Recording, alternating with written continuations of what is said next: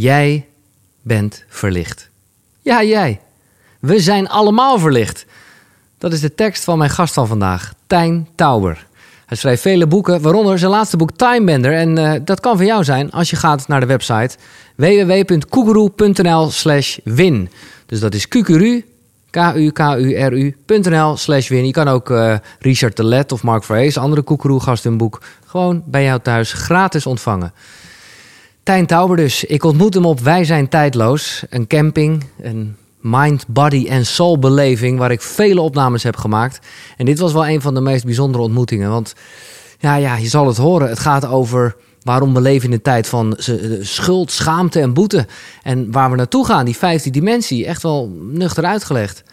Non-dualiteit komt ter sprake, afijn, echte koekeroe onderwerpen. Maar vooral het waanzinnige verhaal van Tijn. De oprichter van Lois Lane. En hij werd nu, is nu, de oprichter van een van de mooie initiatieven Stadsverlichting. Mag ik een applaus voor Tijn Tauber? Dankjewel. Ja, Tijn, je bent, je bent echt 60 nu, hè? Ja, ik ben 60, ja. ja. Ja, nee, maar dat vind ik een compliment voor de duidelijkheid. Dat is echt dat ik denk van, wauw.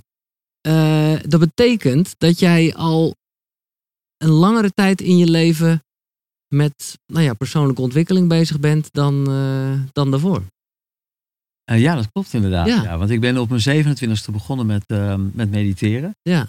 En ik ben nu 60 jaar, dus dat is waar. Ja. Zo heb ik het eigenlijk nog nooit bekeken. Nou ja, je bent, je bent over die helft. Ja, jij zegt 27. Ja. Dat is, dat weet jij en misschien een aantal luisteraars, dat is een legendarische leeftijd voor muzikanten. Ja. En dat ben jij. Uh, of je gaat dood of je gaat mediteren. Nou ja, daar komt het eigenlijk om neer. 27, de club van 27 is een, is een vreselijk iets. Maar het is, ja, het is toch ja. niet... ja, met, met Kurt Cobain en Amy Winehouse en uh, nou ja, zo zijn er nog vele anderen.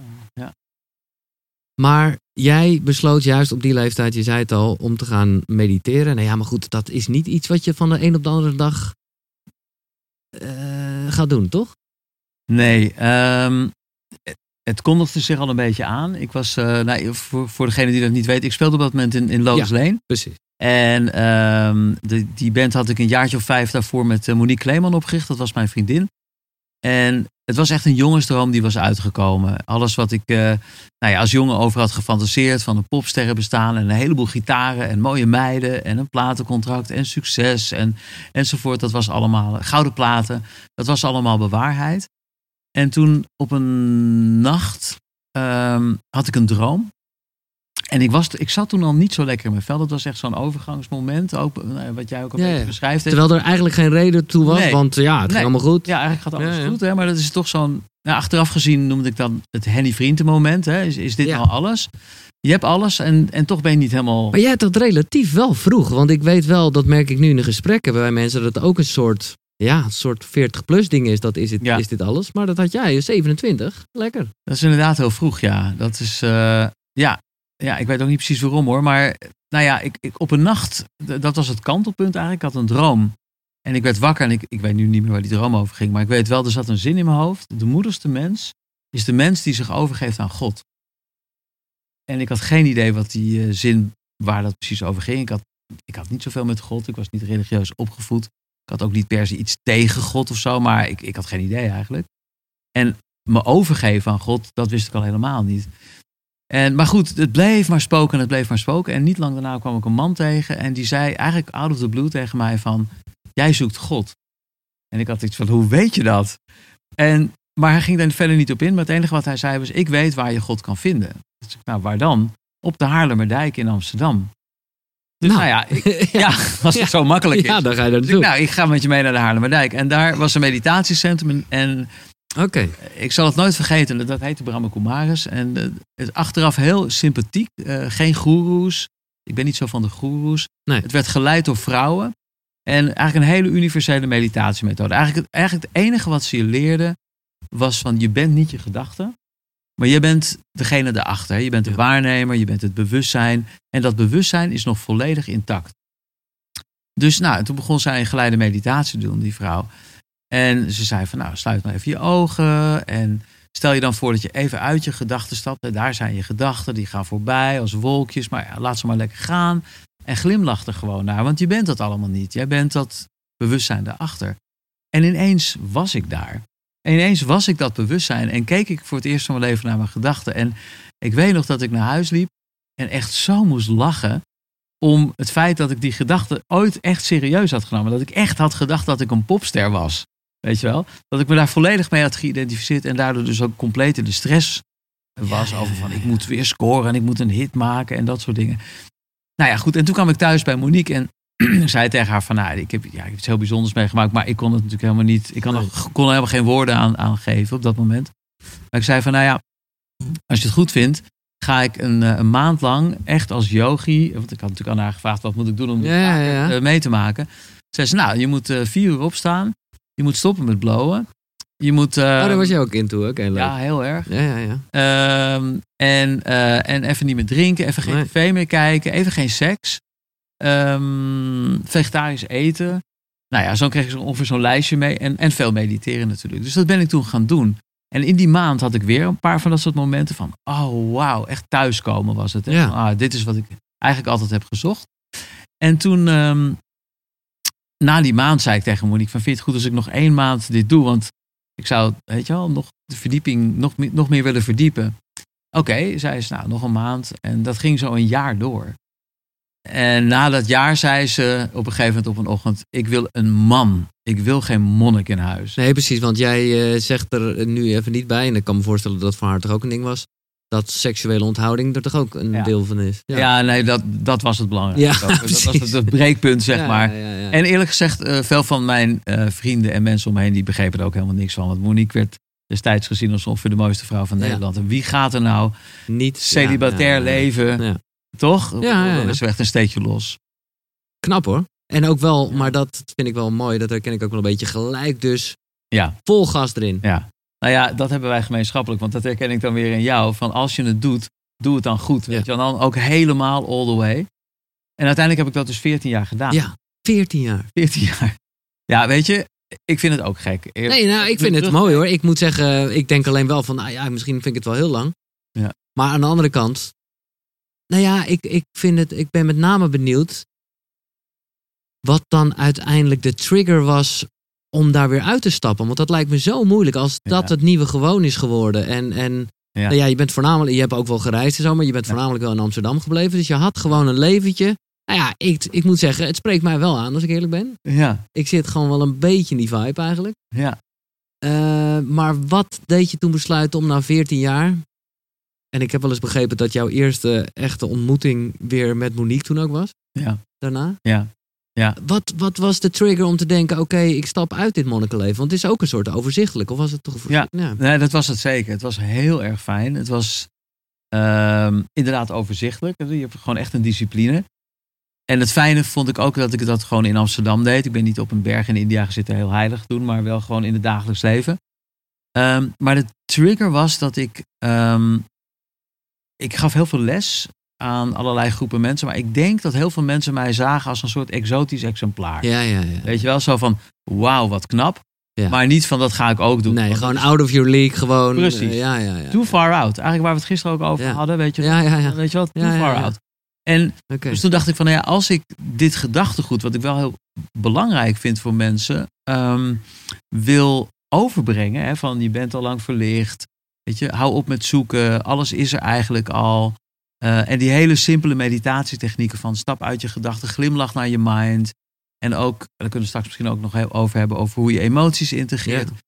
Dat kan ik eigenlijk alleen maar doen als ik gewoon mens onder de mensen ben, om het maar even heel simpel te zeggen. Dus als ik, als ik yogi blijf, eh, althans, hè, zoals mensen Ja, oké, maar- maar- maar-. Je hebt het toch niet alleen voor andere mensen gedaan? Het is toch niet dat je dacht, nou ja, oké, dan ga ik maar weer eens een keertje seks hebben, een keertje drinken, want dat is wat het, wat volk van mij wil. Ja, nee, daar heb je helemaal gelijk in. Er was ook een andere reden. ja, En dat was dat ik er gewoon klaar mee was. ja oké. Maar dat, dat is heel gek, want ik weet niet of jij dat ook herkent. Het leven gaat heel vaak in cycli van zeven jaar.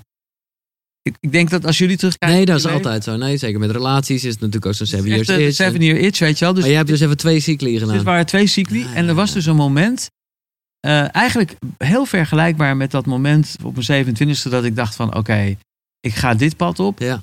Was weer zo'n moment dat ik dacht van oké, het is klaar. Ja. En, en vooral dacht ik van oké, als, ik, als ik nu nog niet verlicht ben, wanneer dan wel? Weet je, ik heb echt 14 jaar best wel mijn best gedaan. En eigenlijk weet ik het wel. Mm. Kan ik het wel? Eigenlijk ben ik het wel. En toen ben ik eigenlijk ook weer van de een op de andere dag ben ik weer gaan blowen, Ja? ja, vrijen. Nou ja, Nee, maar goed, wel kijk. gedoseerd hoor. Kijk, het moeilijke is natuurlijk eh, dat, en dat is natuurlijk uiteindelijk ook het vinden van balans, is dat, kijk, weet je, duidelijkheid is gewoon niet. Dat is gewoon super overzichtelijk. Ja. En een beetje.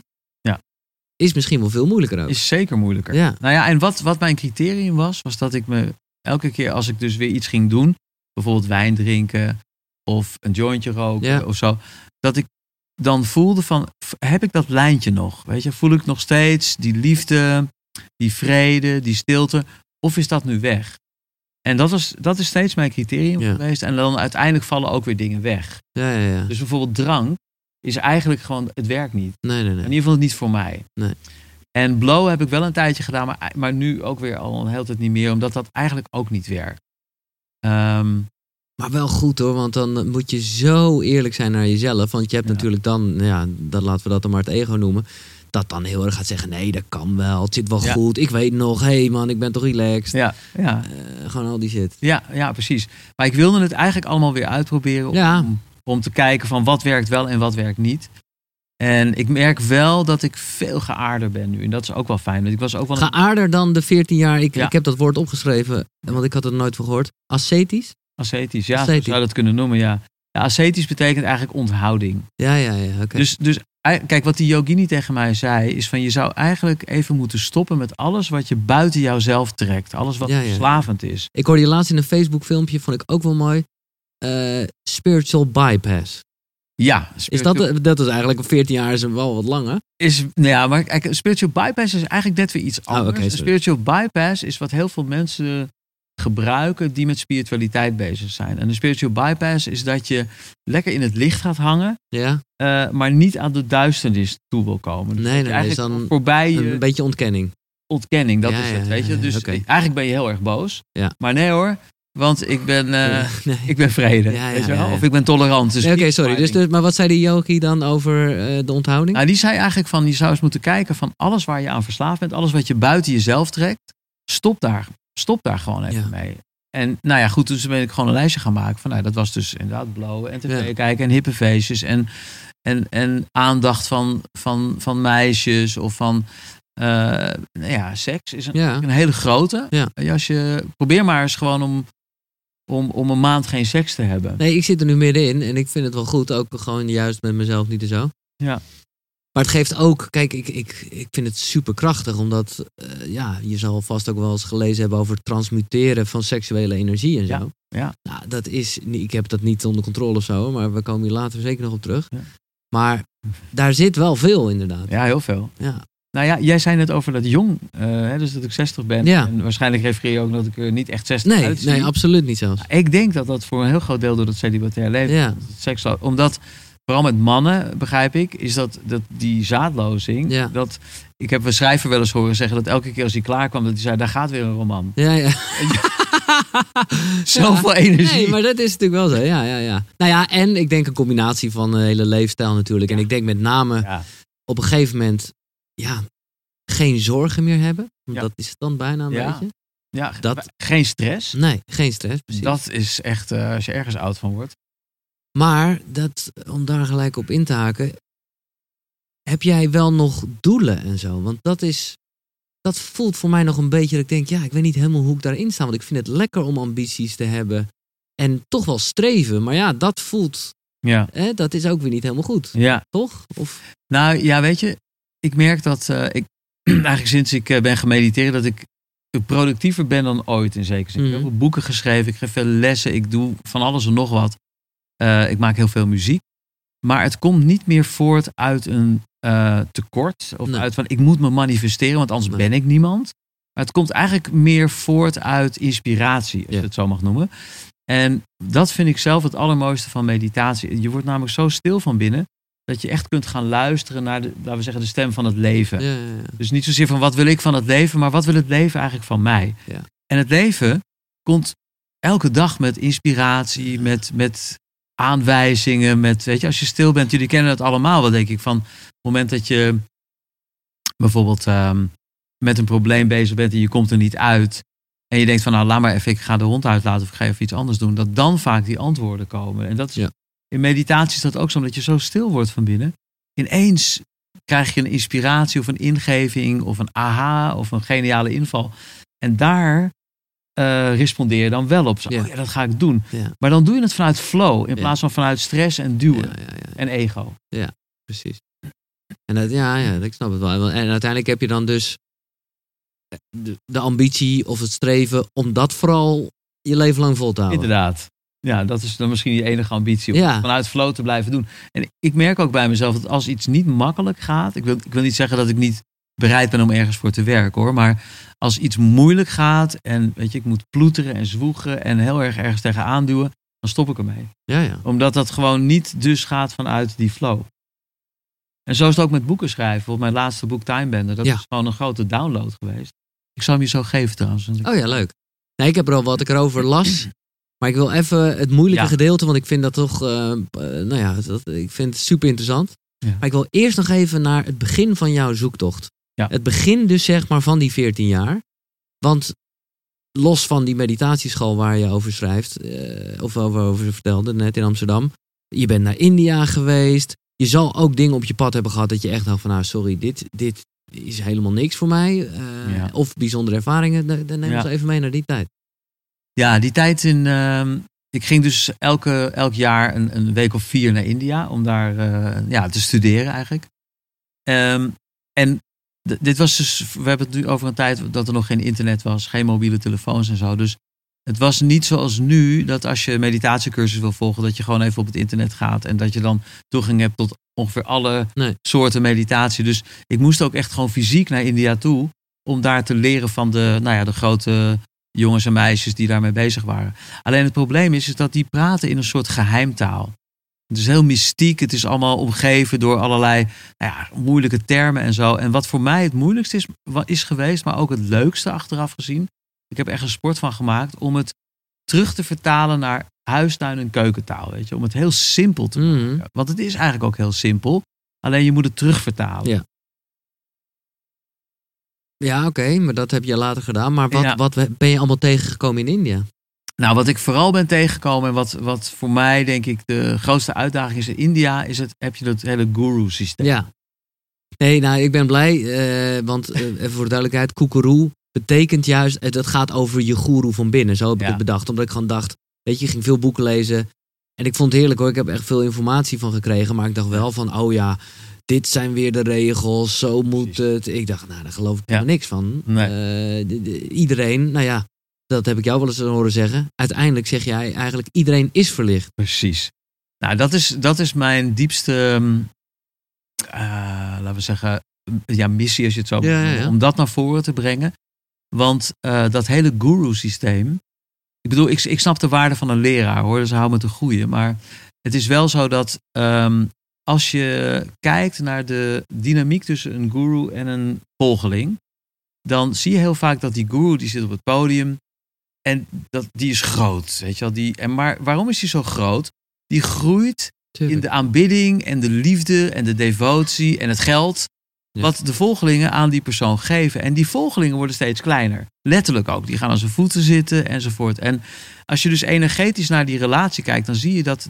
Je zou denken dat de guru heel veel geeft aan de volgers. Maar energetisch Eigenlijk zuigt die. precies Ja? andersom. Ja, ja, ja. Het is precies andersom. En ik kende dat nog uit de popsterrentijd. Ja. Weet je, dat op een podium staan is gewoon... Het is ook een verslaving. Want je krijgt al die aandacht, al die liefde. Daarom zie je dat zoveel popsterren naar de kloten gaan... op het moment dat ze stoppen. Ja. Want hun shot is gewoon weg. Maar hetzelfde... Diezelfde dynamiek zag ik dus ook in India... tussen die guru en die volgelingen. Dus daar heb ik echt besloten voor mezelf van... daar wil ik nooit... Ik wil nooit in die val trappen. Ik wil mensen juist duidelijk maken... Je hebt geen leraar nodig, want je bent al lang verlicht. Dat is je oorsprong.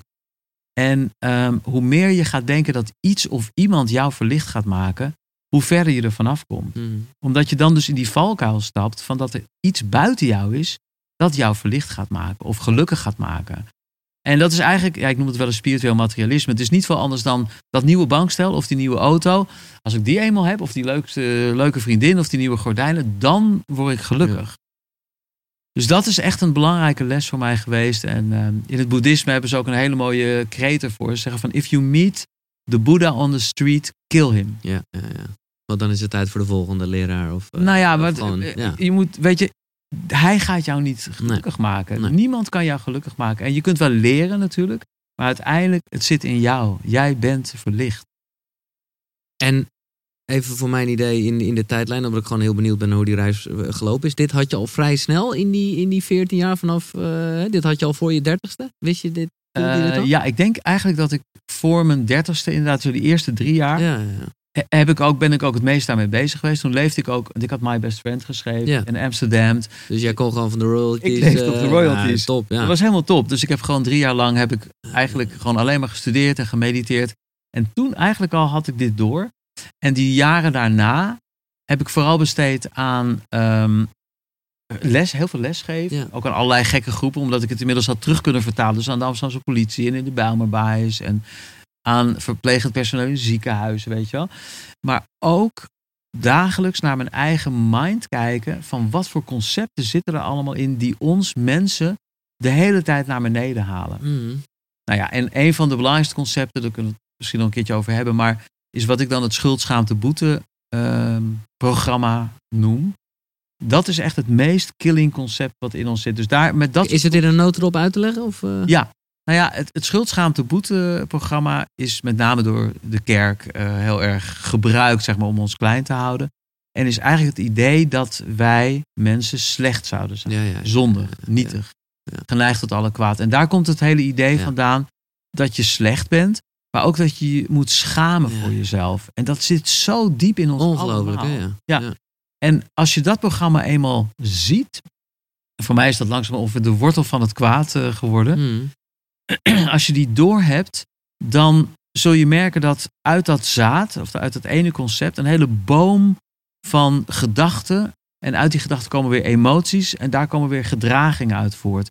Maar wat wij doen, die gedragingen die zijn zo eh, fnuikend voor ons. Hè, want schaamte is echt de meest killing emotie. ehm, is dat wij, wij spreken in therapie gaan voor al die blaadjes van die boom. Ja. Weet je wel? Dus die uitwassen van dat ene oerconcept. In plaats van. Ja. In plaats van dat ene oerconcept te gaan herkennen, door te hebben. En dan maak je hem onschadelijk. En je maakt hem onschadelijk door ernaar te glimlachen. Ja. Dat is echt de grote truc. Dat je het doorhebt en dat je er niet tegen gaat vechten. Nee, nee, nee. Weet je wel, dan word je deel van het systeem. Maar dat je er echt om gaat lachen. Van, oh ja, Ja. heb je het schildschaamte boeteprogramma weer. En dan langzaam maar zeker. Eigenlijk net als, het zijn een soort televisieprogramma's eigenlijk die s'morgens aangaan. Hè? Dus je, je mind, je ego. Mhm. Op het moment dat jij kunt lachen naar het programma, het niet serieus neemt, dan op een gegeven moment dan het fizzles out. Het stopt gewoon. En net als echte televisieprogramma's, dan wordt het gewoon van de buis gehaald. Omdat de kijkcijfers te laag Ja, zijn. dat- We precies. zijn gewoon dan, niet dan meer, werkt het niet meer. Dan werkt het niet meer. Wauw, mooi, mooi, mooi. Ja. Maar hoe moeilijk is het, of was het, eh, om zelf dan ook niet in die valkuil te trappen? Want ja, dat is het verneukeratieve van het ego. Op het moment dat jij dus lessen ging geven, boeken ging schrijven en nou ja, gewoon ook zelf wel content was met je nieuwe leefstijl. Ja, Ja. glad ijs, toch? Ja, een hele goede vraag, inderdaad. Dat is heel interessant ook ehm, om te merken aan mezelf dat eh, toen mijn eerste boek, Goedkeurs Verlichting, uitkwam. Gelijk schrijf- een bestseller, hè? gelijk een bestseller. Ja. Toen schreef ik op de eerste pagina, eh, ik ben verlicht. Bam, Bam. lekker. Ik schreef, schreef er wel bij, iedereen is verlicht. Ja, ja, Het is niet zo van, ik ben verlicht en jullie, nee, we zijn allemaal verlicht. Maar ik weet nog dat toen dat boek uitkwam, dat ik echt dacht Nou van, ja, zelfs die honden zijn het er niet mee eens. dat, ik, dat ik echt dacht van, toen het uitkwam van, ik, ik ga nu gevierendeeld worden. Ja, ja? Of, of, of, eh, of opgehangen. Of ik, zo, gek genoeg kwamen er allerlei hele eh, religieuze, dus dat ik gekruisigd zou Ja, worden of zo. Weet je. Omdat ik mezelf eigenlijk op één lijn stelde op dat moment met, met Jezus, die ook verlicht was. Ehm, en toen merkte ik dus dat mijn ego er nog wel degelijk was. Weet je? Mm. Dat ik echt ontzettend bang was voor de reactie die zou komen. En, ehm, en, maar het, het rare was dat ehm, ik had dus verwacht dat de mainstream media me echt zouden fileren. Weet je wel, van nou, die Tauber, weet je wel, die denkt dat hij verlicht is. En nou ja. Het gekke is dat de mainstream media pakt het boek ontzettend groot op eigenlijk. Ja. Er allerlei, in de Volkskrant, Parool, NRC, overal grote interviews. En het enige blad wat een vernietigend interview eh, met mij, of, of niet een interview, het was een recensie van Ja. was een spiritueel blad. Oké. En dat, dat blad heette Koordanser. En dat was echt, nou ja, weet je, ze lieten geen spaan van mij heel. Het was echt van, dit was zo'n arrogant boek. Het was een belediging voor de Boeddha. Het was een belediging voor Jezus. Want Tauber had verlichting zo makkelijk gemaakt dat iedereen het kon bereiken. Oh, en dat, dat was toch voor een elite groepje moest precies, blijven. maar dat was dus ook precies mijn punt. Wauw. Heel interessant eigenlijk. Dus mijn tweede boek, Verlicht Leven, Ja. Heb ik integraal, daar begint het boek ook mee, dat hele verhaal afgedrukt. Gewoon zo van, kijk, Ja. dit is wat de spirituele wereld je voorhoudt. En dit is dus waarom wij in, zo, in die spirituele wereld in allemaal van die loepjes terechtkomen. ja, ja. Waardoor we nooit verlicht worden. Omdat we denken dat we iemand of een systeem of een religie nodig hebben om verlicht te worden. Mooi. Ja, Ja, supermooi. En nou ja, dat brengt ons toch bij een wat moeilijk gedeelte. Of althans, eh, ik, ik wil dat zo nuchter eh, spiritueel houden zoals jij dat altijd doet. Ja. Ik las dat eh, nou, ja, deze week in de Happiness. Want later ben je wel degelijk omarmd. Heb je voor vele bladen geschreven. Ja. hè, in ieder geval de Ja. spirituele wereld. En dat gaat over dat we eigenlijk wel in een goede tijd zitten. Ja. Toch? Ja. Maar dan gaan we naar de vijfde dimensie. Ja. En ja, nee, ik zeg het, ik, zeg, ik, ik probeer, eh, nee, maar ik, ik begin het wel steeds meer, maar ik wil het vooral zo lekker basic houden. Ja. Eh, maar dat is een, een, nou ja, een link ook naar jouw boek Time Bender eigenlijk, want daar heb je een mooie vergelijking gemaakt met, met nou ja, hoe kan ik dat het beste uitleggen? Ja, ik moet het boek nog lezen, maar ik heb het natuurlijk wel overgelezen. Dat, dat lichtmannetjes een pak aantrokken. En dat is eigenlijk een vergelijking met hoe wij nu zijn. Toch? Of, of het, eh, lichtmannetjes een pak. nou ja, nee, nou ja, leg, het, leg, nee, nee, nee, leg het zelf maar uit. Eh, de essentie van Time Banner. En, Essentie van Time Ja. Ja. Nou, ik moet erbij zeggen, Time Bender is super atypisch voor mij. Het is sowieso een roman. Ja. Ehm, maar het is ook een boek waarvan ik echt nooit had gedacht dat ik het zou schrijven. Maar dat heeft dus met de tijdsgeest te maken.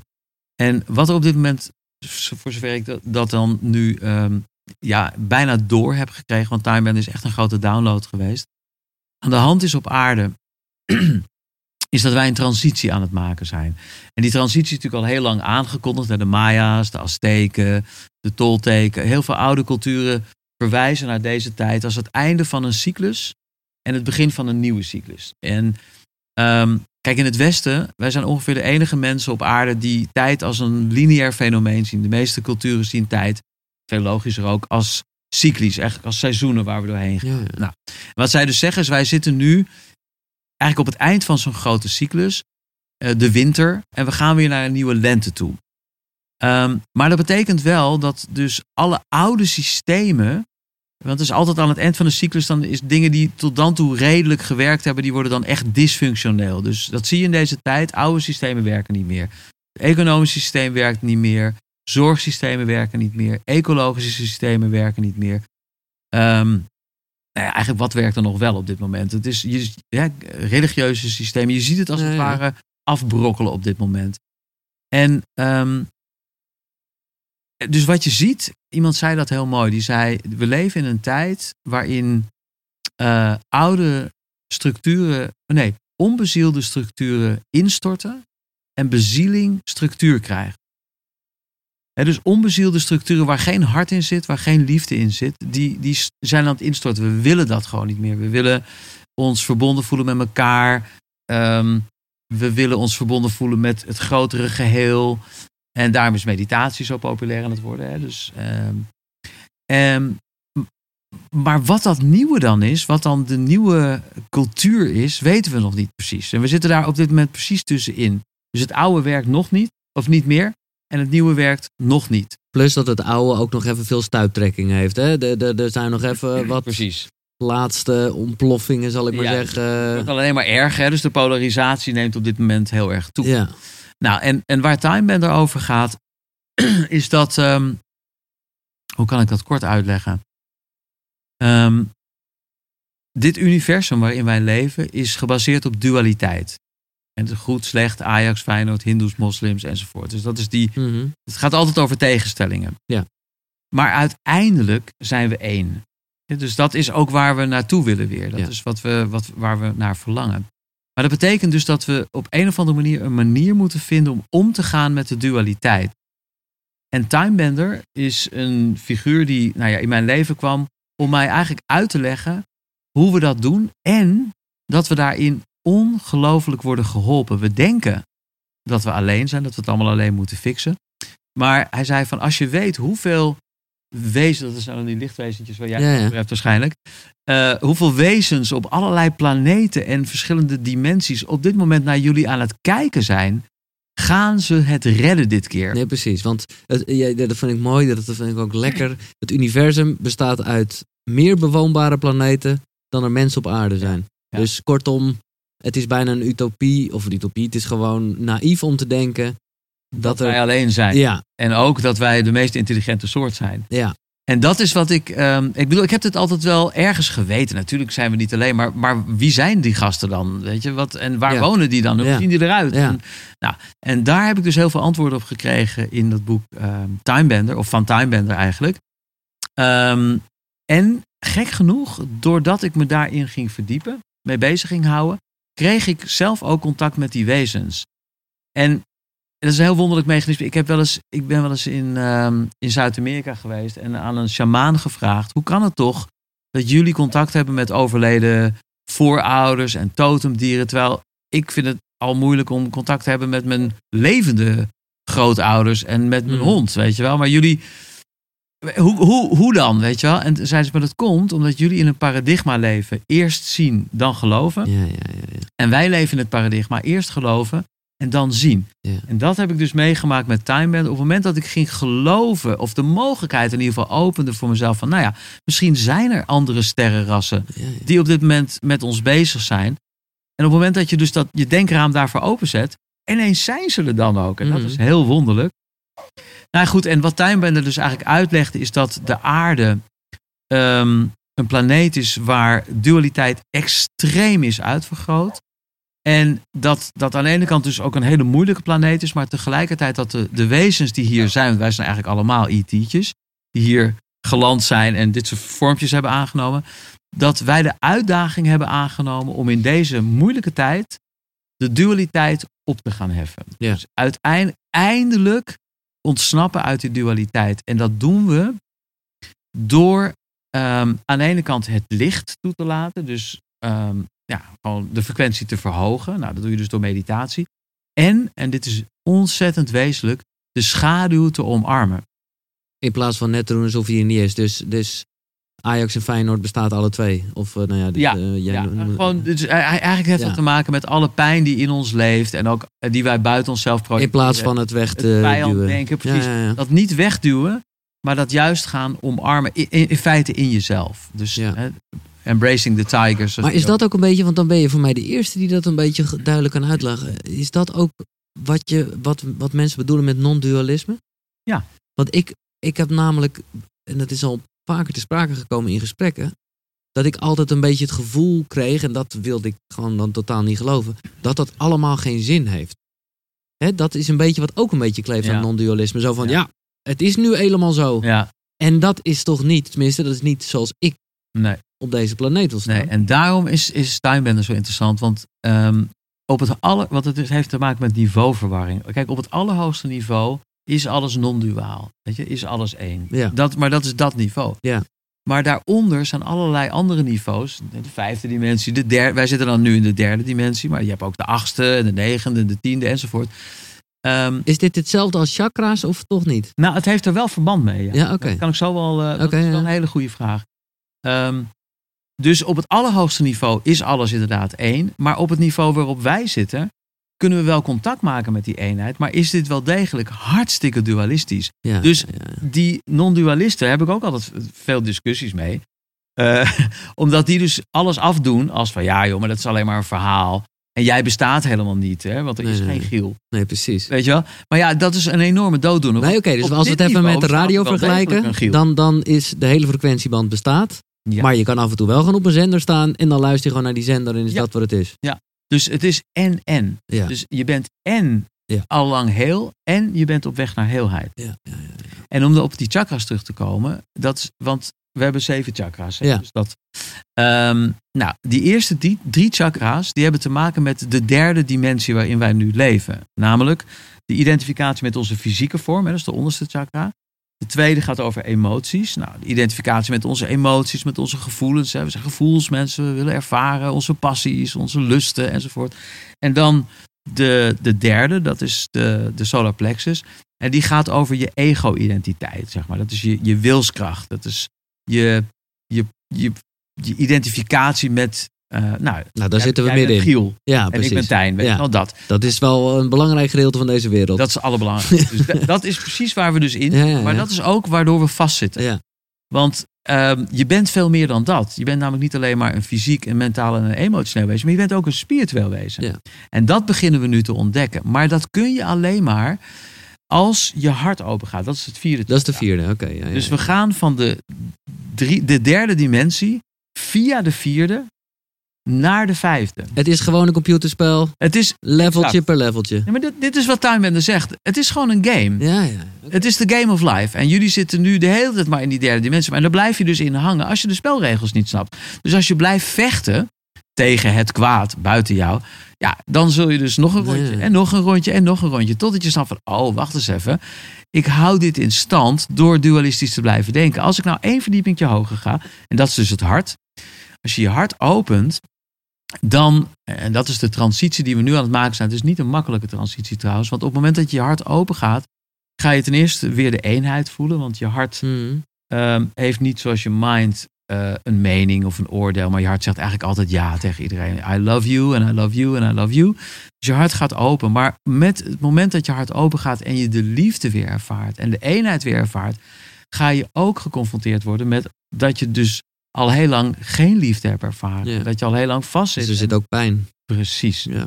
En dat is de, de, de moeilijke weg die we nu aan het afleggen Want is dit een collectief iets? Of eh, kan de ene al op level 4 zijn en ik zit nog in level 3 te spelen? Ja, dat is wel zo. Maar het is ook een collectief iets. Maar dus die mensen die, laten we zeggen de pioniers, die helpen om het, om Ja, het collectief omhoog te trekken. ja, oké. Dus door de frequentie te verhogen en ook hiermee bezig te zijn. Kijk, wij staan op de schouders van reuzen. Weet je. De mensen die ons voor zijn gegaan hebben het pad vereffend. Waardoor nu heel veel mensen, ehm, met name jonge mensen. Ik geef heel vaak les aan jonge mensen. Als ik dit soort dingen vertel, dan zitten ze echt zo van... Nou, fijn dat jij er ook achter bent, weet je wel. Zo van, dat ja, we allemaal. Die, die, die zijn al verder dan wij vaak. Ja, ja, ja. Oké. Nee, maar dat, was- want dat. Nou, ik ben blij dat dat dan wel eh, de vibe is, zeg maar. Want ja, ik kan me ook voorstellen dat dit. dat je je toch niet een paar jaar geleden had kunnen bedenken. Dat jij degene die mediteren gewoon noemde als gewoon even terugtrekken. En eh, nou, wat ik heel tof vind, voor de duidelijkheid. Ja. Eh, maar ja, dit is wel even een stapje Ja, ja. minder tastbaar, laat ik het dan zo Ja, zeggen. zeker. En het is ook. ehm, het is ook een stuk spannender geworden. Want inderdaad, het eerste gedeelte van mijn reis bestond uit gewoon heel veel licht Ja, creëren, zeg maar, in mezelf en om mezelf heen. Dus bijvoorbeeld stadsverlichting. Ja, stadsverlichting, nou ja, hè. eh, Dus heel veel mensen. schoolverlichting, bedrijfsverlichting. bedrijfs- Waanzinnig voor de mensen die het niet kennen. Ik vind dat echt top. Dat is gewoon echt het eventjes downgraden weg uit... eh, nou ja, het is al lang niet meer elitair, maar dat, dat- daar ben jij mede voor verantwoordelijk. Ja. En ik hoorde hier op Wij zijn tijdloos dat er nu 1050 Huiskamers zijn. huiskamers connected. Ja. ja, dat is echt heel fijn. Dus, dus nou ja, dat is die eerste periode geweest. Heel veel licht creëren. En deze fase eh, van, van ja, mijn persoonlijke ontwikkeling dan is vooral heel erg leren de schaduw te omarmen. En, en dat is heel, een heel belangrijk principe. Eigenlijk net zo belangrijk als je, als je bent al verlicht. Is, heel veel mensen zijn nu bezig met proberen hun pijn los te laten. Omdat de pijn omhoog komt. Hè? Niet alleen in jezelf, maar ook collectief eh, zien we dat er ontzettend veel... Hè? De shit hits the fan op dit moment. Hè? Er komt echt heel veel aan het licht. En ik voorspel je dat de komende maanden, jaren... er heel veel donkerheid nog omhoog gaat komen. Dus dat is wat er nu aan de hand is. Maar eh, eh, eh, waar, doel je dan toch ergens licht op allerlei samensweringen? toch wel. nou ja, dus nou bijvoorbeeld dat hele, die, die Epstein, en Ja, die dat ja, dat ja, soort ja. dingen. Dus die hele child trafficking bijvoorbeeld. Ja. Dat is zo onvoorstelbaar veel groter dan wij helaas uh, denken. Of, of misschien niet eens denken, want de meeste de, mensen durven er niet eens over te denken. Nee. Dit is dus een aspect van wat er nu omhoog gaat. Ik merk ook wel aan mezelf dat ik het gewoon een beetje, ja, maar dat is inderdaad Ja. wel struisvogel, net doen alsof het niet bestaat. Zo van, nou, dat zal toch niet. Omdat het eh, zo gruwelijk is. ja. Dat je echt iets zegt van, nou, dit kan toch niet waar zijn. Maar Nee. ja, ik vrees dat het wel waar is. En, maar goed, dit soort dingen gaan naar het licht komen. En Ja. de meeste van ons zijn of inderdaad struisvogel, van we willen het niet weten. Of als we wel emotioneel werk aan het doen zijn, is dat we proberen om, om van onze emoties af te komen. Om ze los te laten. Dat is ook de modekreet op dit moment. Hè. Iedereen die ik ken is bezig met Laat het los. Laat het los, laat het los. Maar loslaten werkt niet. Loslaten is een oordeel. Als je, als je zegt van ik moet dit loslaten, dan zeg je eigenlijk dat is fout, dan moet ik vanaf. Maar hoe meer je ergens van af wil, hoe meer je ermee resoneert en hoe meer je het in je omveld trekt. Je komt er dus nooit vanaf door te willen loslaten. Het, de formule, als je echt van je emoties je pijn af wil, is dat je het toelaat. Ja. Iedere emotie die je kunt toelaten, die zal jou loslaten. Alles wat er mag zijn, lost op. Alles wat er niet mag zijn, blijft eeuwig aan je kleven. Dus de, de, de moeilijke weg die we nu gaan, is dat we ons hart openen. Niet alleen voor onze schoonheid en de grootsheid en de liefde en het geluk. Gelukkig is dat er allemaal. In onvoorstelbaar grote mate. Maar ook voor de pijn, de teleurstelling, Ja, ja, het verraad. En dat, dat moeten we allemaal nu in ons hart sluiten. Nee, dat vind ik wel mooi dat je dat zegt. Want ik merkte wel in menig zelfontwikkelingsboek gaat het heel erg over geluk en de zoektocht naar geluk. Ja. Terwijl ik gewoon af en toe denk, ja, maar het is toch ook heerlijk om je niet gelukkig te voelen of Ja. zo. Je weet je wel, gewoon. ook bij. Ja. En het gaat ook al vaak heel erg over jouw geluk. Hmm. Weet je, heel persoonlijk geluk. En dat is eigenlijk het geluk wat veel meer hoort dan bij die derde chakra. ja. Van mijn geluk. Maar we moeten dus gewoon, en dat zal dus gebeuren, en dan, dan bereiken we een volgend level, zou ik maar zeggen. Ja. Beter worden in voelen. Inderdaad. Dat is heel mooi gezegd. En hoe doen we dat? Nou, een hele simpele methode is, is om eh, door je hart te ademen. Dus er is een instituut in Amerika, als je het niet kent, het moeite waard. Hart, het HeartMath Instituut. Die heel veel eh, onderzoek heeft gedaan naar de intelligentie van het hart. Ons hart is onvoorstelbaar intelligent en kan eigenlijk alles aan. Alleen we maken veel te weinig contact met ons hart. Dus een hele simpele manier om weer contact met je hart te maken is gewoon je hand op je hart te leggen en je voor te stellen dat je door je hart ademt. Dus het HeartMath Instituut heeft hier heel veel onderzoek naar gedaan. Dus nou, leg je handen op je hart, adem door je hart en stel je dan voor dat je met elke ademhaling dat je hart wat ruimer wordt. Alsof je hart bijna ehm, uitdijt als het ware in de ruimte. En als je dit een tijdje doet, dan is het net alsof je langzamerhand één groot liefdevol hart wordt. Ik moet altijd denken aan, aan Jezus in Rio, weet je wel. Dat, dat gevoel zo van, Ja, ja, ja. ik hou van jullie Uitgestrekt, eh, allemaal, ja, ja. wel. Kom maar in mijn grote Maar dus veel, veel uit je lichaam, Ja. veel groter. Nou ja, dat is het grappige. Het hart met het instituut, die, die, die meten dus de frequentie, de elektromagnetische Ja, ja, ja. frequentie van je hart. En die zien dus dat het sowieso 5000 keer groter is dan van je hoofd. Dus als jij de wereld wil veranderen, kun je beter positief voelen dan positief denken.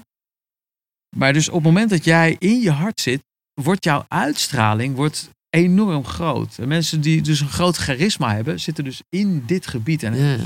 Oh, ja, ja, je dat. kent dat ook wel inderdaad van mensen. ja, dat herken je. Maar is dat ook, dus, maar is dat iets, adem jij altijd nu zo, Nou, met die ik, eh, gedachte? Of, of is dat ik er moet wel? mezelf er dus ook aan herinneren, want Ja. ik zit ook in die transitie. Ja, Weet je, ik, ik ben dus ook, ik, nou, ik ben eigenlijk een typisch voorbeeld van een spiritual bypass. Ik heb dat best lang gedaan. Het heeft me heel veel opgeleverd. ja. Heel veel licht, heel veel liefde, super gelukkig, helemaal blij. Maar nou ja, wat ze dan wel eens zeggen van, eh, if you think you are enlightened, spend a weekend with your family. Dus ik vermeed mijn familie een beetje. Ja. Want ik was gewoon een yogi, dus ik ging niet bij mijn familie op bezoek. Nee. Althans, niet al te veel. En nu ga ik dus wel bij mijn familie op bezoek en doe ik weer gewoon al die dingen die iedereen doet, omdat ik weet van daar zitten nu de lessen. Alleen, dus ehm, al die je, kijk, je kunt zoveel duisternis aan als dat je licht hebt. Dus de oude Chinezen zeiden vroeger, je moet sterk zijn om ziek te kunnen worden. Dus hoe sterker je bent, hoe meer licht je in je hebt. Dus hoe vaker je mediteert en je, en je, je zelfrespect en je liefde en je vrede en je geluk enzovoort voelt. Hoe meer je ook in staat bent om die andere kant, eh, boosheid, verraad, Mhm. teleurstelling, verdriet, ego, hebzucht enzovoort, in je hart te sluiten. Dus beide zijn nodig. En ik ben nu inderdaad op het pad waar heel veel mensen denk ik op zijn. Dat ze al een tijdje bezig zijn op het spirituele pad en dan al een hoop licht in zich hebben. En nu ja, ehm, de duisternis aan het omarmen. zijn. Ja. Omdat het erbij hoort, gewoon een beetje in de yin-yang gedachte, dat is de cirkel. ja. En, en, want het, het mag Ja. toch wel zo zijn dat het, het is toch wel lekker als het ene wat meer is dan het andere, toch? Eh, nou ja, uiteindelijk. Of het is allemaal hetzelfde nou ja, eigenlijk. soort van. kijk, yin-yang wordt altijd over zwart en wit gesproken. Ja. Maar wat eigenlijk de kracht van het symbool is, is de, is de cirkel eromheen. ja, ja, De container. Ja, de connectie. Dat is ook waar de graal is. De, graal is, is een container. Op het moment dat jij de graal vindt of de graal bent, dan ben je de container voor het leven. Alles, goed en slecht, Ajax en Feyenoord, Hindoes, moslims, noem ze allemaal op, is welkom in jou. Jij bent de bedding, de container voor het leven geworden. Dat is uiteindelijk waar het denk ik over gaat. En dan vecht je niet meer tegen het leven, maar dan val je samen met het leven. En dat is de ervaring van 5D. Hm. Het, het vechten stopt. Ja, nou, dat is dan toch wel echt duidelijk uitgelegd. Ik moest wel verdenken toen jij zei over familie, dacht ik wel van ja, best wel pijnlijk dan dus, eh, dat je dit inzicht dan hebt eh, terwijl je vader niet meer leeft. Want dat was echt een beetje eh, hè, een, een, Ja. een nou, ik weet niet of je echt anti-spiritualiteit was, maar nou ja, hij stond er niet zo voor open, laat ik het zo Nee. zeggen. Hij had je liever de popster Ja. dat je was gebleven. Ja. Ja. Mijn vader heeft het heel moeilijk met mij gehad. Ja. Ja. Maar hoe, eh, of ervaar je dat niet als een gemis? Of hoe, hoe ga je daarmee om? Nou, ik heb eigenlijk eh, eh, sinds de dood van mijn vader heb ik een goede relatie met hem. Ja, dat is lekker makkelijk. Ja. Nou ja, het is, ja het, is, het is een heel raar verhaal hoor, wat ik je nu ga vertellen. Maar ehm, nou, mijn vader, die, die is arts, hoogleraar, echt super linker. Oh ja, dus wetenschap. Ja, ja. Ja, helemaal wetenschap. Ja. En, ehm, nou ja, en ik werd eh, popmuzikant, hè, dus dat was natuurlijk al, eh, ja, jongen leer nou een vak en zo. Maar zij wilde er ook niks van weten, hij wilde mijn muziek ook nooit horen. maar op een dag toen ehm, vertelde zijn secretaresses van, je zoon is op de radio. En hij is best wel bekend. Oh, oh, weet je wel. En, eh, en toen eigenlijk, toen, want ik ging wel elke maand, ik, ik, ik zag hem niet zo heel vaak, maar elke maand ging ik met hem naar het concertgebouw. Het was dan ons momentje hè, samen. En die, eh, die dag had ik een eh, platencontract getekend eh, met Warner. En dat was echt een supergoed contract met, met Lois Lane dus. Voor zes platen. En dat was, toen- Oh, lekker. ja, dat was toen in Nederland eigenlijk onvertoond. Dus dat was echt wel, echt Bam, te gek. ja. Maar goed, ik zat dus ehm, in Café Keizer. Hè. Daar gingen we dan eerst eten voordat we naar het concertgebouw gingen. En ehm, toen dacht ik van ja, zal ik het hem nou vertellen of niet? Want ja, het interesseert hem allemaal niet en zo. Maar ja, het is ook wel heel gek. Dat hij dan misschien morgen in de krant leest dat Loos een platencontract heeft getekend. heeft hij niks ik- verteld. Nee, nee, Nee, nee, ja, nee, weet je oké. Dus eigenlijk vijf minuten voordat we het concert in zouden gaan, zei ik tegen hem van, by the way, ik heb vandaag een platencontract getekend. Hij bloeide helemaal op. Het was echt van, oh gelukkig, mijn toch nog goed terecht te komen. Dus champagne. en we gingen niet naar het concert. We zijn hartstikke dronken geworden samen. Het was helemaal te gek. Nou, dat ging vijf jaar goed. Totdat ik besloot om een celibataire monnik te worden. Ja. En toen heeft hij me uit zijn testament geschrapt. Het is echt nooit meer goed gekomen. En we hadden toen ook geen gesprekstof meer. Hij, hij vond me gewoon, ja, hij heeft me niet letterlijk onterfd, maar. Nee, maar ik snap wel het voelt. En, ehm, Maar ja, dat is dan wel in contrast met alles wat jij aan het leren was. Want dat gaat natuurlijk heel erg over verbinding, Ja. liefde. ja, nee, maar ik ben meer mensen kwijtgeraakt in die tijd. Ik ben eigenlijk ook heel Lois Lane kwijtgeraakt. Ja. Dus al mijn vrienden van toen, die dachten eigenlijk van, nou, hij wordt gehersenspoeld. Hij is eh, van, van het padje. Ik was natuurlijk ook voor Lois Lane belangrijk, want ik schreef de liedjes. Ja. Dus toen ik eruit stapte, ja, weet je wel, we hadden een fanclub, een management, een, eh, nou ja, Monique en ik waren natuurlijk een stel. ja, dus ja. nou ja, en al die mensen die draaiden zich ook van mij af. Maar dus ik was het langzamerhand ook wel een beetje gewend. Ja, dat, maar goed, je vader is wel even wat anders dan Ja. eh, collega's. Nee, klopt. Maar ik heb er ook echt veel, best wel veel last van gehad. Dat klopt. Als je het dan hebt over het omarmen van de schade. Ja, ik heb je- heel veel met mijn vader moeten dealen. Maar het interessante is, is dat op een gegeven moment, eh, toen was hij twee jaar dood. En ik had nooit gerouwd over zijn dood. Want Nee, ik had precies. eigenlijk al afscheid genomen. ja, ja, ja, Ik was onthecht. Ja, ja. Spiritual Ja, ja. bypass onthecht, hè dan. Ja. En, ehm, en toen eh, op een dag werd ik gemasseerd door een vrouw. En op een gegeven moment merkte ik dat er iets heel raars gebeurde. Want ze begon helemaal te trillen. En ik lag op mijn buik en ik kijk om en ik zie mijn vader. Echt het gezicht van mijn vader. Maar het- zij was het. Het was nog steeds die vrouw. Maar ik zag dus het gezicht van mijn vader. en toen, eh, toen zei ze, ik heb een boodschap voor je. Wil je die horen? Ja, nou ja, maar van wie is die boodschap dan? Dus toen werd ze even stil. Ze zei, ja, ik kan geen namen noemen. Maar ik laat je iets zien. En toen liet ze me een totempaal zien, een zwarte totempaal. En als kind heb ik eh, met mijn ouders in Amerika gewoond. En mijn vader had van de Indianen een totempaal, een zwarte totempaal gekregen. Die nam hij overal mee naartoe. Dat was echt gewoon Zijn, eh, Zijn ding. Ja. Dus dat zag ik. En dus wist ik, oké, dit is Jan. Dat is met mijn vader. En toen vertelde hij dat hij drie dagen de tijd had om via haar met mij te communiceren. En dat hij al jaren bezig was met, met mij te willen communiceren. Omdat hij spijt had van hoe hij met mij om was gegaan. Maar niet alleen met mij, maar ook met mijn zus. En met mijn moeder. En dat, daar, dat hij daardoor ook niet door kon. Omdat hij ons wilde bereiken. Want toen ik maar, vroeg maar, hoe heb je ons dan proberen te bereiken? Ja, via dromen. Maar ik kwam er gewoon niet doorheen. En, maar hij zei, ik heb dus nu drie dagen. en dus, ik, nou ja. En, en toen begon hij te praten. En toen begon hij te vertellen hoe hij nu naar mij keek. En hij zat dus, laten we zeggen, in die vijfde dimensie. En hij begon mij dus allemaal dingen te vertellen die ik eigenlijk al had geleerd over je bent een ziel, je bent niet het lichaam en zo. Maar hij deed dat op een toon, zoals hij vroeger ook altijd tegen me sprak, als een hoogleraar. zo doserend, Ja, weet ja, wel. irritant. Ja. Echt irritant. Dus op een gegeven moment, zo na tien minuten, was een hele mooie informatie, maar de toon, weet je wel. Dus toen zei ik tegen hem van, eh, sorry, even één ding. Ik probeerde, ik moest echt inbreken ook, ja, hè. Pap, eh, kan het op een andere manier, weet je wel? Want eigenlijk, en by the way, heel veel van wat jij vertelt weet ik al. Maar het is een beetje raar dat jij nu, want jij wilde er niks van weten bij leven en welzijn. En nu zit je mij te doseren over al die dingen die ik eigenlijk al weet. Nou, toen werd hij stil. Hij zei helemaal niks meer. Ik dacht, shit, ik heb Ja. gepest. Hij is weg, weet je wel. Had ik mijn vader eindelijk en is hij weg. En, en toen zei die vrouw, die zei, je zult het niet geloven. Maar wat ik zie is dat hij een buiging voor je aan het maken is. En hij is al vijf minuten bezig met voor jou te buigen. Wow. Dat is dat spreekwoordelijke schouderklopje waar iedere jongen Tuurlijk. en ieder mens op zit te wachten wat ik nooit had gekregen. En ik denk heel veel van jullie misschien niet. Nou ja, zeker van je ouders. Ja. Van mijn ouders. Ja. Wat ik dus toen kreeg. En dat hij echt zijn respect toonde voor wat ik eh, nou ja, bij leven en welzijn had. Nee, dan snap ik je opmerking een stuk beter. Dus het grappige is, hij is dus drie dagen bij me geweest. Ik heb hem alles kunnen vragen over hoe is het daar en dit en zus en zo. En ehm, het grappige is dat mensen wel eens tegen mij zeggen, mijn moeder bijvoorbeeld, of eh, die zeggen dan van eh, ja, je vader, je hebt het niet makkelijk met hem gehad. Het was een moeilijke man, het was al moeilijk voor jou. Terwijl ik dat dus nu helemaal niet meer Helemaal voel. anders voel. Ja. Heel anders voel. Ja. Mooi. Echt heel mooi. Ehm, ik vergeet een aantal basiselementen van deze show, maar ik ben wel heel benieuwd eh, naar. Om te beginnen, heb jij een bepaald ochtendritueel? Want we hebben het net gehad over dat hard ademen, wat dan nu een soort ding is waarvan je zelf zegt, ja, dat moet ik. Hè, plan je dat in? Of nou ja. De, de wekker gaat. Of althans, misschien gaat er geen wekker. Ja. Geen idee. Nou, ik heb nu meer geen eh, ochtendritueel, maar als je het niet hebt en je hebt het nog nooit gedaan, zou ik je het wel aanraden Ja. te doen. Want het werkt zo fijn om eh, niet als je 's morgens wakker wordt te denken, zal ik wel of zal ik niet? Nee, dat is zo vermoeiend. Ik moet altijd denken aan, eh, heb je die ehm, film van ehm, op Netflix van eh, Anthony Robbins gezien? Ja, Dr. ja, ja. Guru. Ja, ja, tuurlijk. Ja. Weet je wel, hij springt dan elke ochtend in dat bad, in het ijsbad. En hij zegt, er gaat nog, is nog geen dag voorbij gegaan dat mijn mind niet zei, wat? Ja, Je ja. gaat toch niet in een ijsbad springen, Oh, nee, ik, heb Anthony? het, ik heb het elke dag met die koude douche. En hier zit ik op een camping. En dacht ik de eerste dag nog, nou, hier zal ik het toch niet doen. Oh, is die koude douche van jou? Want ik sprong Ja. onder de douche. Ja. Toen stond hij- Oh, Ah, oh, ik had hem wel. Ja, sorry. ik had dacht nou, dat ik hem wel teruggedraaid had. Ja, Ja, maar ik stond echt zo van, wat, wat?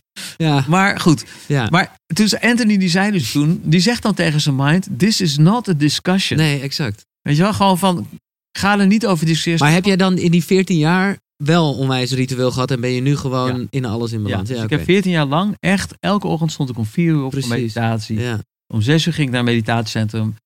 En, en gedurende de dag had ik ook mijn vaste momentjes dat ik mediteerde. Dus dat is wel heel sterk. Ja. Maar nu, Nee, nu heb ik dat niet meer. Nu, nu neem ik gewoon momentjes zoals net zat ik lekker op die bank, weet je wel. Of, eh, ja. En ik kan ook met mijn ogen open mediteren. Dus ook heel fijn om te oefenen, want dan kun je het echt over. Ja, ja. Dat is heel fijn. En bijvoorbeeld nog andere dingen, eh, intermittent fasting, qua, eh, dus dat je 's ochtends niet eet of een Ja, ik bepaalde... ontbijt nooit. Nee, precies. Nee. Ja, nee, voor jou is het allemaal normaal, maar ik, Ja. ik kom er steeds meer achter dat dat dus allemaal best wel Ja, gewoon goed is geworden van mensen die heel erg nou ja, Ja. bezig zijn om het maximale uit het leven te halen. ja, dat werkt heel erg goed. En Ja. wat ik wel doe elke dag, of Binky en ik eigenlijk wat we doen, hebben we van een eh, man geleerd, Zack Bush. Wil je het even voordoen anders? Het is... Oh, dat kun je niet zien. nou, nee, maar dat maakt niet uit. Ik ben toch nieuwsgierig. Ik Ja. zal wel omschrijven wat ik zie. Dat is eh, gewoon een hele simpele. En hij zegt dat als je dit elke dag drie keer doet, dat je jaren jonger wordt. Oké, nou, Dus nu maak is, je me helemaal nieuwsgierig. Ja. Oké, Binky, het is... Nee, doet Oké. gewoon één, één rondje. Een soort, eh, alsof je zwemt, eh droog zwemmen zou ik het... Oh, oké. Gewoon heel erg, ja, ja, ja. Ja. Een beetje de Bastrika-achtige ademhaling. Nou, oké, en dat doe je gewoon 's ochtends wel. Ja. En wat dat dus doet, is het zet je systeem keihard aan. Ja, het is ja, een ja. soort hard. Ja, ja, ja. Het is echt. eh, en dat Het schijnt. is een soort yoga en ecstasy eigenlijk. ja, ja, ja, En dat schijnt, dat schijnt iets te doen met je celregeneratie. Ja, ja, ja. nou ja, maar, dus dat doen wij. Dat is eigenlijk de enige discipline die we nog hebben. En natuurlijk elke zondagavond stadsverlichting, dan mediteren Ja. een uur. Ja, ja, ja. En kajakken, ja, ik ben een kajakfan. En dat kan ook heel meditatief zijn. Nee, dat begrijp ik goed. Nou ja, en nu we dan toch eventjes in de rela- relationele sfeer zitten. Hoe, eh, hoe, ga je, hoe sta je in tantra? Eh, goed. Ja, want... Nee, ja, jij- Nou, als je het 14 jaar... Heb je dus ook niet met jezelf gedaan, hè? Nee. Was je er niet bang voor dat je op een gegeven moment... Dat het, niet meer werkte. nou ja, dat, nee, maar ook of dat er... Nee, ja, maar, ja, nou eigenlijk wel inderdaad. Niet, en, maar dat het ook, ja, dat je onvruchtbaar zou worden. Of dat er poeder uitkwam. Of, nee ja, ik merkte aan mezelf dat toen ik het een tijdje niet deed, dacht ik, ja, ik weet niet of dit gezond is eigenlijk, weet je wel. Ja. En als je googelt, vind je altijd eh, drama. ja. Dus dan... eh, Nee, maar dat is een hele belangrijke vraag. Ik zou, ik zou mensen ook niet aanraden om eh celibatair te leven, tenzij je de energie kunt sublimineren eigenlijk. Ja, dus waar, transmuteren. transmuteren. Achter, ja, ja. weet je, want seksuele energie is eigenlijk creatieve energie. Ja, Dus eh, wat ik deed, was ik, nou, ik maakte muziek, ik, ik gaf les. ehm, en ik, heb, ik had dus een hele sterke relatie met wat ik dan maar even God noem. Ja. Waardoor die energie bleef stromen. Ja. Maar als je dat niet hebt en je gaat celibatair leven, dat is een recept. ja, maar dan wordt het een frustratie en een op, vreselijk. dan wordt het echt onthouding. Ja, dan wordt het onthouding en dan word je zagrijnig. En dan, en dan komt het er toch een keer uit. Dat Ja. je dus met al die, die gekke priesters die zich Ja, aan, precies, aan ja, kinderen en zo. Dat is gewoon omdat ze... Er moet iets. Er moet iets. Ja, nee, dat snap ik. Maar oké, toch weer eventjes naar eh, dan wel echt de seksuele activiteit, zal ik maar zeggen. Ja, tantra hadden we het over. Nou, Ik heb nog nooit een tantra workshop gevolgd, dus ik ben geen specialist daarin. Maar wat ik merkte, ehm, en dat is het hele grote verschil en ook de reden waarom ik celibatair wilde gaan leven, omdat voordat ik dat deed, merkte ik dat seks ehm, voor mij in ieder geval op in een bepaalde manier oppervlakkig was, maar ook dat, dat vrouwen, en ik val dan op vrouwen, uitwisselbaar waren. Hmm. In zekere zin. ja. het ging om jezelf. Ja, jouw het was dan hoogtepunt. lekkere borsten en eh, weet je wel. Ja. Het, en terwijl ik, ik vergat soms dat daar gewoon een ziel in Ja, zit. en dat ik aan het vrij was met een wezen. Ja, En dus, en dat is daar waar de hele porno-industrie natuurlijk ook op gebaseerd. Ja. Het zijn gewoon losse onderdelen Ja. Die je lekker vindt. En nou, dat, daar had ik dus ook wel wat van. En ik vond dat heel naar van mezelf. Mhm. En toen dacht ik, nou ja, weet je, laat ik eens even helemaal stoppen met seks. Ja. Zodat ik weer mezelf weer ervaar als licht en als ziel. En, wat- en wat ik dus toen merkte, ik had helemaal niet verwacht dat ik het 14 jaar zou doen hoor. En het is ook helemaal niet nodig. Nee. Maar oké, dat was dan mijn pad. Ik merkte toen ik weer ging vrijen, dat ik eh, tijdens het vrijen ook contact kon blijven houden met de ziel. met een mens. echt, Met een mens. ja, ja, nee, en dat is, en, nee, voor, voor mij is dat dan tantra. Maar ik kijk eventjes naar deze mensen die er alles van weten. Maar hè, dus het echt het contact maken Ja, met het wezen. En dan eigenlijk hoe je dan vrijt is, is niet zo belangrijk. Maar Nee. dat je contact hebt, dat is zo belangrijk. En en dan, en, dan en, en eh, zelfs die eerste keren dat je dat voor het eerst weer deed, was daar niet toch het ego dat overnam en dacht, godsamme, ik wil klaarkomen. Nee, nou wat wel zo was. Want de yogis hadden mij gezegd dat als je weer seks gaat hebben. Dan is het alsof je van drie hoog naar beneden valt. En dat je al je botten breekt. Oké, lekker. Het was een lekkere... Je had Ja, er gelijk van- zin in. zo van, want in frequentie stort je dan neer. Ja, ja, ja. En eh, dat heb ik een beetje gevoeld, inderdaad. Ik voelde wel dat. een eh, soort leegte. Of... Ja, nou, ik stond te trillen op mijn benen. En het was. Na afloop. Ja, na afloop. Ja, Ja, ja, ik, was, ik kon ook. Ik moest ook echt blijven slapen, zeg maar. Ja. En. ehm, dus dat merkte ik. Maar ik merkte ook dat het inderdaad moeilijker was. Omdat ik. Ja, seks is zo sterk. Het kan zo'n obsessie ook weer. Ja, ja, ja. Dus eh, dat het moeilijker was om te mediteren, om die, om die vrije ruimte te vinden of zo. Dus ehm, Ja. ja. het is een beetje zoeken en nog steeds voor mij. Ja. ik, ben, ik ben nog steeds aan het balanceren. Ja. Nou ja, duidelijk. Ja. Eh, wat zijn eh, drie boeken voor jou? Want jij zal, nou ja, ook wel een hoop verslonden hebben, eh, denk Ja. ik, hè? Die, die, Ja. die, die 14 jaar. Oh, Of, of misschien daarvoor of daarna, maar... Ja, wat zijn boeken, drie boeken, heb ik je gevraagd, die voor jou, Ja. eh, nou ja, eh, belangrijk zijn geweest in, je, in hele reis? Nou, ik denk één die in ieder geval heel belangrijk is geweest, is eh, de, The Hero's Journey van, van Joseph Campbell. Ik weet niet of Ah, kennen, de reis van de held eigenlijk. Ja. Dus, Eigenlijk als je die gelezen hebt, dan zit je alles te kijken op tv en denk je, oh ja, Ja. Ja. Je hebt precies door hoe alles precies werkt. door hoe, hoe, ja, exact. Dat is zo leuk, dat boek, eh, wat, wat Campbell, even heel kort, Campbell die ehm, werd destijds de meest belezen man op aarde genoemd. Hè. Hij heeft op een gegeven moment zeven jaar lang negen uur per dag alleen maar gelezen. En hij las alles van eh, mythes, geschriften, Ja. zagen, legenden enzovoort. En op een gegeven moment kwam hij erachter dat hij eigenlijk steeds hetzelfde boek aan het lezen was. En dat al die boeken van die helden die op weg gingen naar de graal, of verlichting, of verlossing, of God, of succes, of noem het maar op, eeuwige jeugd, allemaal door dezelfde archetypische stappen gingen om Ja. daar te komen. We hebben dus allemaal dezelfde hindernissen te overwinnen, dezelfde inzichten te verwerven, dezelfde inwijdingen te ondergaan. En hij schreef die op eh, als de reis van de held. En dat is toen gedubt tot de Bijbel van Hollywood. Omdat scriptschrijvers het gebruiken om te kijken of hun scripts kloppen. Want als die overeenkomstig die stappen van Campbell gaan, dan is het vast een heel goed script, omdat we er allemaal mee resoneren. Ja. Want het is een universele reis. Nou, dus dat boek heeft heel veel indruk op me gemaakt. Nou, het heeft ook nog wel, eh, jij hebt een boek geschreven, Yogi Power. Ja. Wat ook wel een beetje gaat over, nou ja, waar we het eerder over hadden, de, de, hoe de macht bij de goeroe, zeg maar, Ja. eh, hoe dat misgaat. Ja. Maar ergens is er ook een soort licht aan het eind van de tunnel, toch? Zou het kunnen?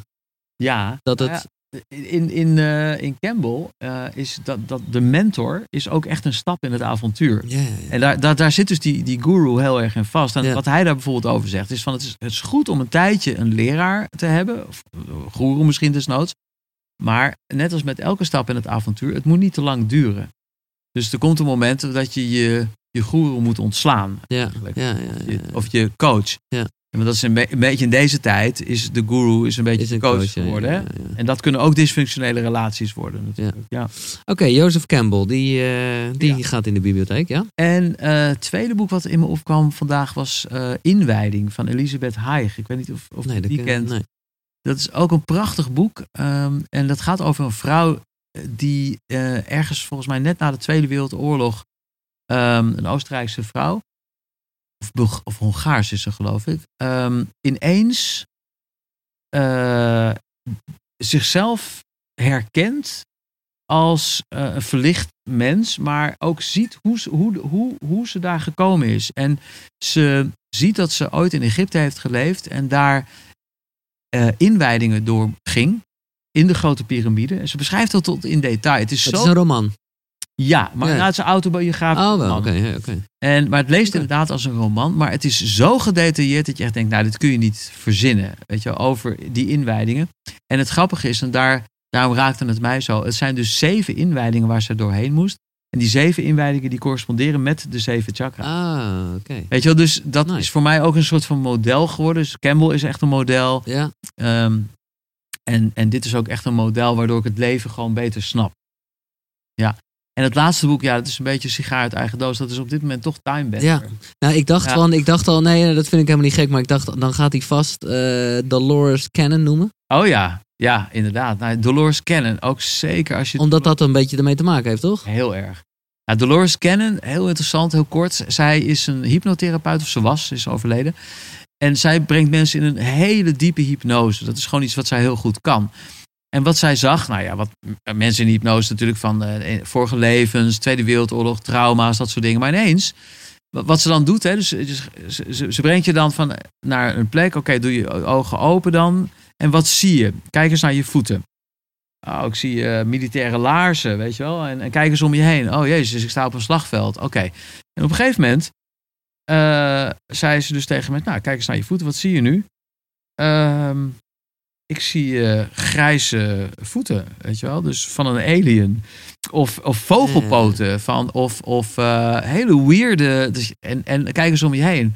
Van ja, ik zie twee zonnen en eh, de planeet is paars. En eh, echt hele rare dingen. Nou goed, zij is daar veel verder in gegaan. En zij heeft iets van vier of vijf boeken, denk ik. Echt hele dikke pillen. Met allemaal verslagen dus.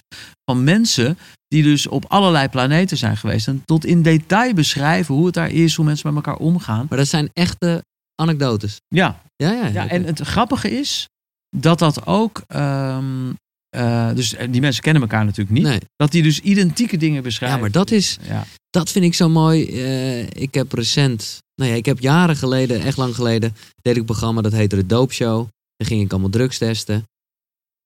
Ja, eh, maar daar, een paar dingen duurden gewoon te lang voor in een radio-uitzending. Maar ik wilde wel iets met psychedelica natuurlijk doen, want dat is een onderdeel van de drugs. Dus eh, kwam ik op DMT.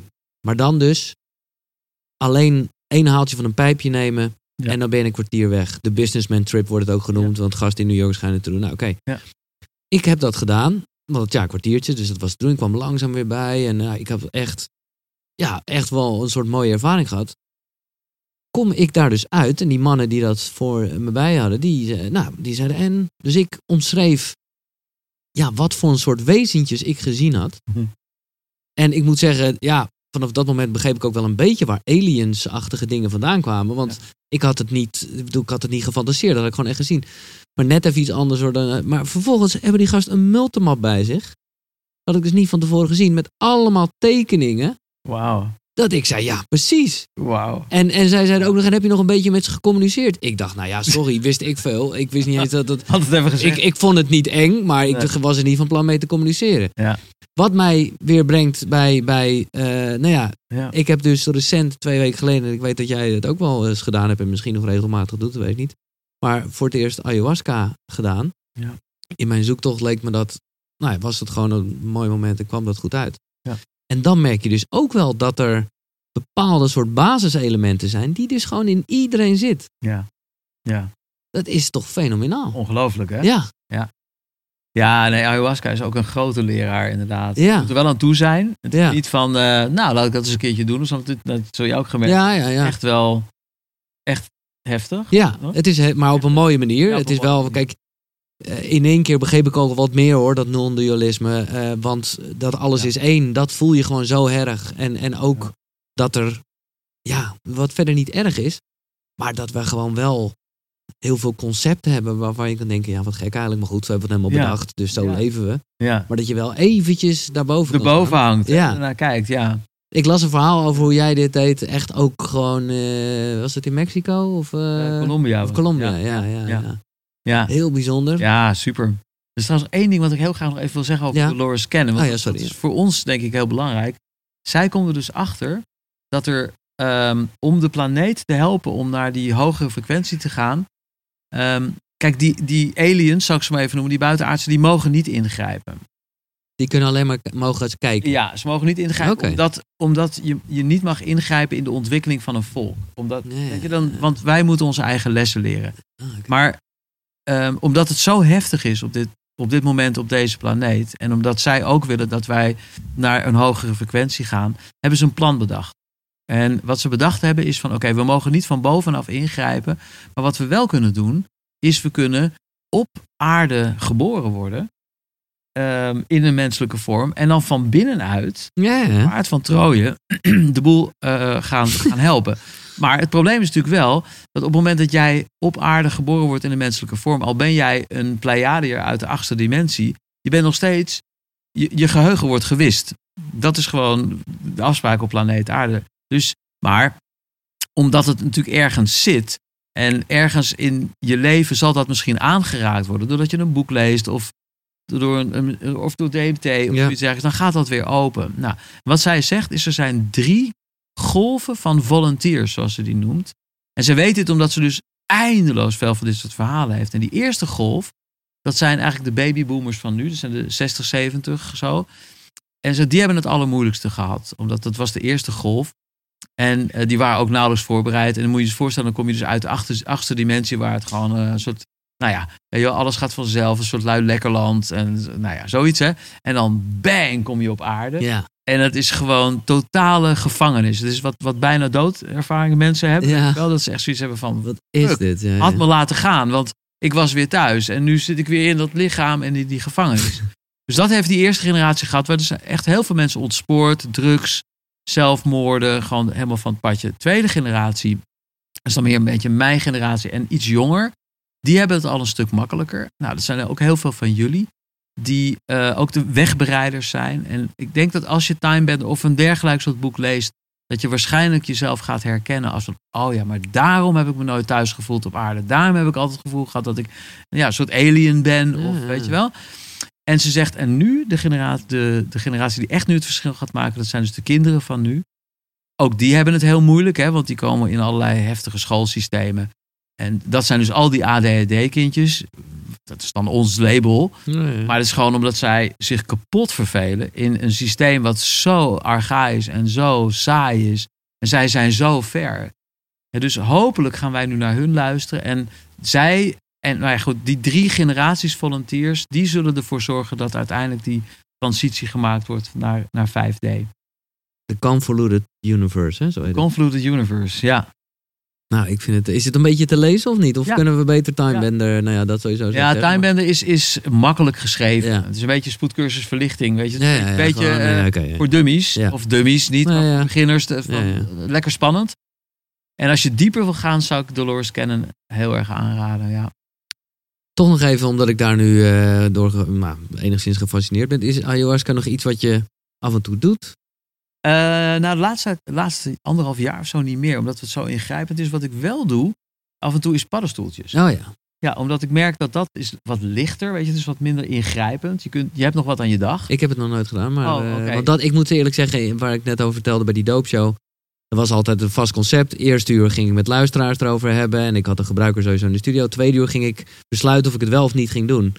En met die paddenstoelen, dat was toen eh, echt wel in, weet je, al die smart shops had je zo. Ja. Hoorde ik zoveel slechte verhalen van mensen. Ja. Het voelde gewoon niet relaxed. Ik dacht, oké, ik ga dit eh, niet Ja. doen. Nee, dat zal- Inmiddels, nou ja, met, met, ja, is het gewoon lang geleden. Zou ik het misschien wel durven. Het lijkt, het lijkt voor me, ik vind het heel erg op ayahuasca lijken. Het is ook zo die plant medicine. Weet je, Nee, ja, precies. Want dat vond ik zo fijn van dat hele ayahuasca. Dat ik echt dacht van, tuurlijk heeft het een soort overlappingen met drugs. Maar het is wel even heel wat anders. Want Ja, het is, ja, je gaat niet naar een club eh, of zo, weet je wel. Dit doen, dit En je is- doet het ook niet echt voor je lol. Nee, Zo, nee. Niet een soort fijne Nee, party. nee. je wordt hartstikke ziek. Ja, Toch? nou dat viel nog wel mee.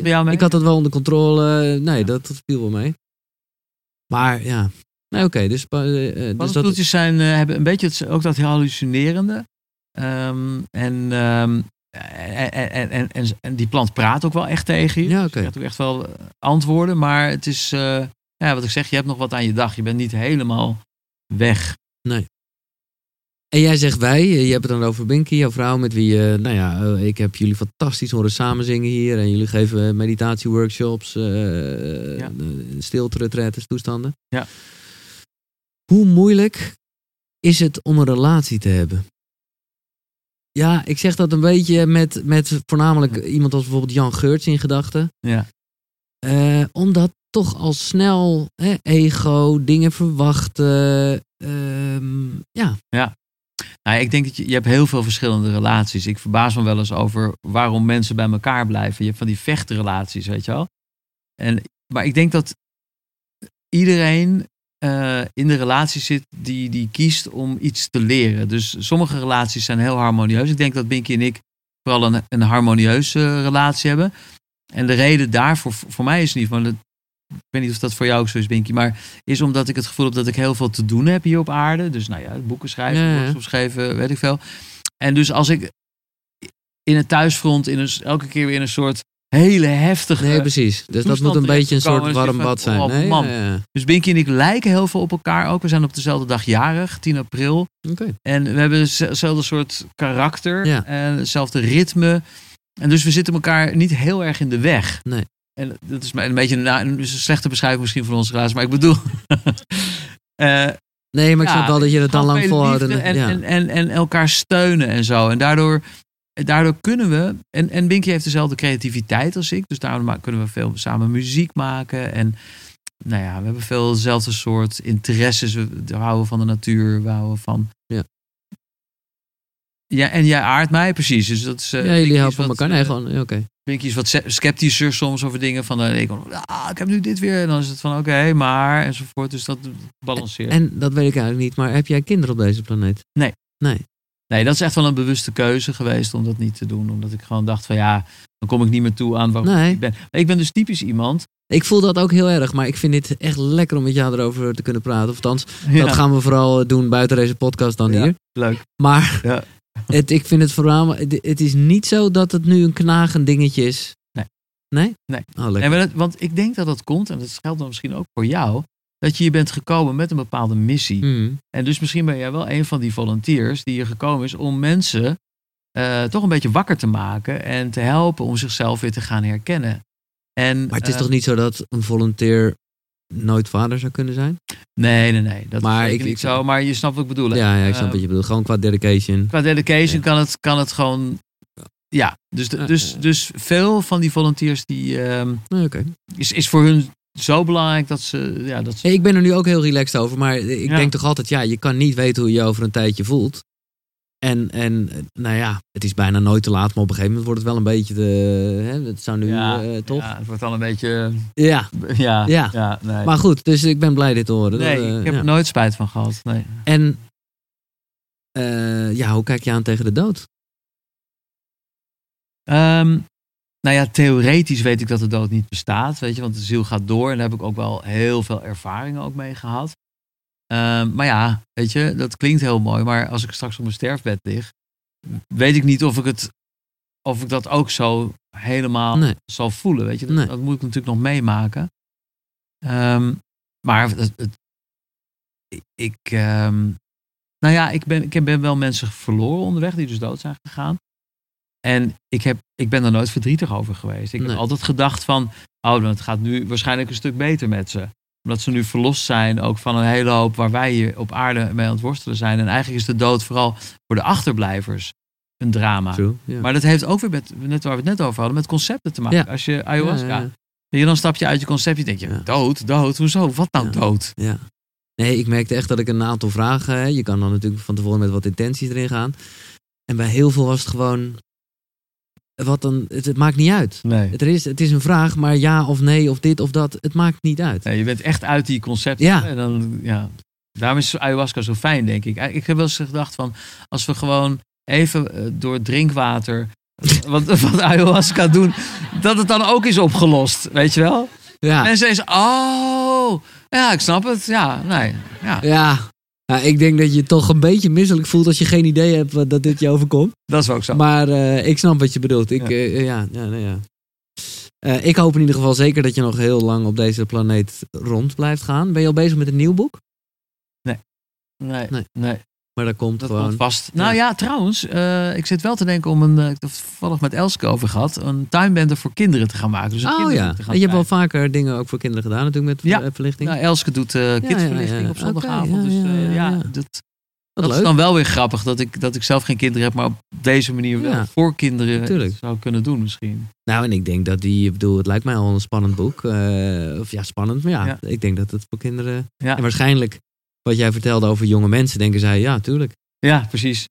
nou, en dan met name dat thema waar ik het net over had, dus dat, dat hele child trafficking Ja, verhaal, weet ja, ja. wat nu de komende tijd heel erg zal gaan opspelen. Daar, ik, ik, als ik een boek ga schrijven, dan wil ik het daarover hebben. Omdat ik denk dat dat het ding is van, als straks die kinderen weer tevoorschijn komen, Zo, dat wordt episch. ja. En dan verandert ook echt alles. Ja, Want dat ja, zag je ook met de katholieke kerk, hoewel we dat wel weer stom genoeg weer zijn vergeten. En weggestopt hebben, ja. Je werd weer weggestopt, maar weet je wel, die kerk die kon geen kwaad doen, want het is heilig en het gaat over God en bla bla. Totdat ze aan je kinderen komen, weet je Ja. wel. Dan is er ineens iets van, ja maar hey, weet je. En toch hebben we dat weer toegedekt, of zij hebben dat weer toegedekt. Maar als dit naar buiten gaat komen, dat valt niet meer toe te dekken, denk ik. Maar wat ik me wel afvraag nog. Kijk, natuurlijk denk ik dat we in een veel mooiere tijd gaan leven. Ook omdat kennisoverdracht veel makkelijker is geworden, technisch gezien. En, en nou ja, we, we zijn gewoon groeiende, gelukkig nog altijd. Ja. Maar is het toch niet zo dat je bepaalde dingen echt moet voelen en meemaken in je, in je reis, hè? in je persoonlijke ontwikkeling en spirituele dingen? Snap je wat ik bedoel? Ja. Dus, dus, dus- Ja. nee, ik vind het heel fijn en goed om kinderen, hè, yoga, meditatie, dat lijkt me top. Ja. Maar ik kan me toch ook niet aan de indruk onttrekken dat je bepaalde dingen, ja, kan je niet leren. eh, Nee. Moet je echt.